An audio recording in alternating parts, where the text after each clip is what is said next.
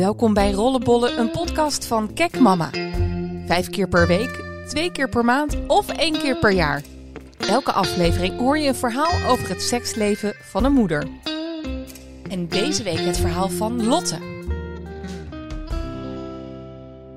Lotte is 33 en heeft een dochter van 4.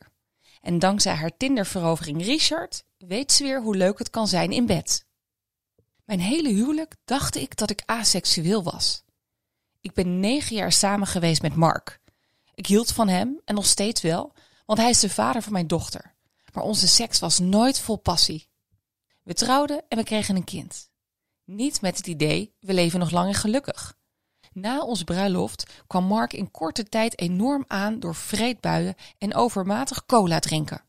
Van een slank postuur ging hij naar 130 kilo. Ik vond hem daardoor steeds minder aantrekkelijk. Als hij me knuffelde of aan me frunnikte, dan gruwelde ik zelfs. Doodsbang dat hij meer wilde. Soms mopperde Mark dat het alweer een keertje tijd werd, omdat het alweer vier maanden geleden was. Dan lag ik passief naast hem en gaf er vrij lusteloos een trek aan. We hebben een keer een seksuoloog bezocht. Zij raden ons aan elkaar te masseren zonder erogene zones aan te raken. Als ik zin kreeg, mochten we daar dan vooral niet aan toegeven. Op die manier zouden we het vuur weer kunnen aanwakkeren. Maar er gebeurde niks. Het ligt niet aan jou, zo stelde ik Mark gerust. Ik ben gewoon aseksueel. Toen we opgingen voor een baby, deden we het iets vaker. Maar nadat Teuntje was verwekt, stopten we definitief met seks. Na de bevalling kreeg ik last van depressieve buien. Ik zocht psychische hulp en ging hard met mezelf aan de slag. Ik werd assertiever en ging meer voor mezelf leven in plaats voor anderen. En daardoor groeiden Mark en ik uit elkaar. Ik paste niet meer bij hem, niet meer bij de man die hij was. En hij viel niet meer op de vrouw die ik was geworden. Anderhalf jaar daarna besloten we eensgezind dat het beter was dat we uit elkaar gingen. Mark en ik zijn liefdevol gescheiden en hebben dat zelfs gevierd met een scheidingsfeestje. Op die manier lieten we weten dat we niemand vroegen om partij te kiezen maar het was vooral een cadeau aan ons dochter. Zij mocht er niet onder lijden. Als vrijgezelle vrouw was Tinder een leuk tijdverdrijf. Mannelijke aandacht lag binnen handbereik. Ik kreeg ineens complimenten over mijn uiterlijk en attente berichtjes. Dat kende ik niet van Mark. Hij vergat mijn verjaardag wel eens, of onze trouwdag of moederdag. En ik voelde me als alleenstaande moeder met maat 44 ook niet echt bepaald een godin. En nu kreeg ik van wildvreemde mannen te horen dat ze me een knappe en mooie vrouw vonden. Gek genoeg wakkerden die berichtjes lustgevoelens bij me aan. En de eerste keer dat ik met een man in bed belandde, na mijn scheiding, notabene een oude bekende, wist ik niet wat me overkwam. Ik vond seks ineens leuk en fijn. Deze man was geen relatiemateriaal. Maar seks met hem was echt, maak me gek, sleur me door mijn kamer en laat me alle hoeken zien. Ik vond het geweldig. Alsof ik een inhaalslag moest maken na zoveel jaren van droogte. Op een feestje ontmoette ik Richard. We hadden meteen enorme lol. Hij heeft sarcastische humor, waar ik van hou, maar ook fysiek vond ik hem enorm aantrekkelijk. Hij is atletisch gebouwd en zit onder de tatoeages. Na een paar onschuldige dates doken we met elkaar het bed in.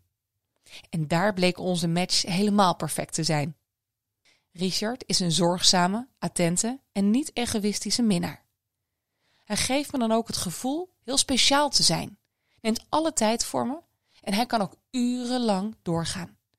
Als hij eenmaal staat, dan blijft hij staan, als je begrijpt wat ik bedoel. We zijn nu een half jaar samen en maken plannen voor een gezamenlijke toekomst. Op dit moment zien we elkaar nog om het weekend, als steuntje bij Mark is.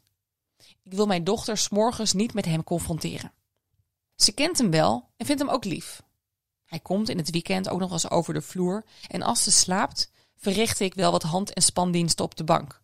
Maar het voelt niet prettig hem hier te laten logeren. Daardoor gaan we in de weekenden waarin we wel met tweetjes zijn, helemaal los. Vier keer op een dag is dan geen uitzondering. Meestal beginnen we nog rustig beneden. We drinken wat, kletsen, teasen elkaar en een beetje stoute opmerkingen tot ik met mijn hand over zijn been kriebel en richting zijn lies ga. Dan verplaatsen we ons, al kleding uittrekkend, naar de slaapkamer of naar een andere plek in huis.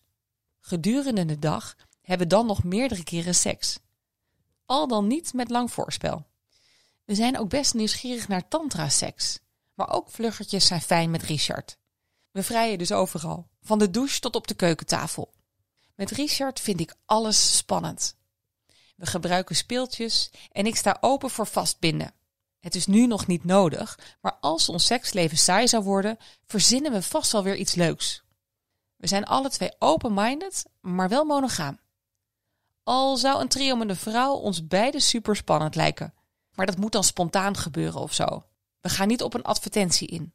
Mijn seksleven heeft dus de afgelopen jaren een enorme transformatie doorgemaakt. Van een frigide, koude vrouw ben ik veranderd in een passievolle, bijna seksverslaafde sekspoes. Mijn ex weet van Richard en gunt mij deze relatie. Wel vindt hij het soms lastig te verteren dat ik nu zo'n goed seksleven heb. Het ligt dus toch aan mij, zei Mark laatst verdrietig. Hij overweegt zelfs een maagverkleining. Toch denk ik dat het niet alleen het fysiek is geweest. Met Richard klopt gewoon alles. Niet alleen in bed, maar ook daarbuiten. Het zit hem in kleine dingen. Hij verrast me met een ontbijtje op bed, houdt de deur open en haalt mijn jas voor me uit de garderobe. En als hij me ziet, kust hij vol passie en liefde. Geen vluchtige zoen op mijn wang, zoals Mark. Voor het eerst in mijn leven voel ik me echt begeerd. En dit was hem weer. Volgende week het verhaal van Jennifer. Zij en haar man vrijen dagelijks en daardoor hebben ze bijna nooit ruzie. Luister je weer mee?